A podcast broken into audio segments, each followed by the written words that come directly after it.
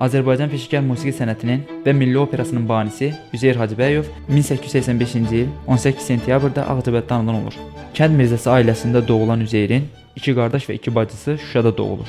Evin 4-cü uşağı olan Üzeyrin Şuşada yox, Ağdabəddə anadan olmasının səbəbi isə atası Əbdülhüseynin Xurşudbanu Natəvanın şəxsi mirzəsi olmaqla yanaşı, həm də xan qızının Ağdabəddə olan təsərrüfatına rəhbərlik etməsi olur. Valideynləri Ağdabəddən Şuşaya köçdükdən sonra ilk təhsilini buradakı 2 sinifli rus-türk məktəbində alır. Onun ilk müəllimi Azərbaycan musiqisinin gözəl bilicisi dayısı Ağalar bəy Əlverdibəyov olur. O 1899-1904-cü illərdə Qori müəllimlər seminariyasında təhsil alır.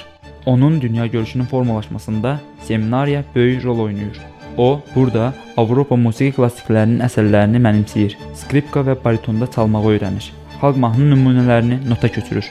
Seminariyanı bitirdikdən sonra Hacıbəyov 1904-cü ildə Cəbrayıl qəzasının Hadrut kəndinə müəllim təyin olunur. Hacıbəyov 1905-1907-ci illər ərəfəsində Bakıya gəlir. Bibi Heybətdə, sonraları isə Saadət məktəbində dərs deyir. Hacıbəyov bədii yaradıcılığa publisistika ilə başlayır.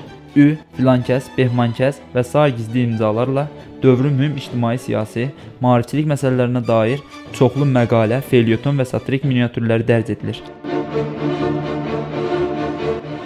Üzeyir bəyin 1908-ci il yanvarın 12-sində Bakıda Hacı Zeynalabdin Tağıyevin teatrında göstərilən Leyli və Məcnun operası ilə yalnız Azərbaycanda deyil, bütün müsəlman şərqində opera sənətinin əsası qoyulur. Xalq dastanı əsasında bəstələdiyi Əsli və Kərəm operasında Hacıbəyov muğamatla bərabər aşıq musiqisindən də istifadə edir.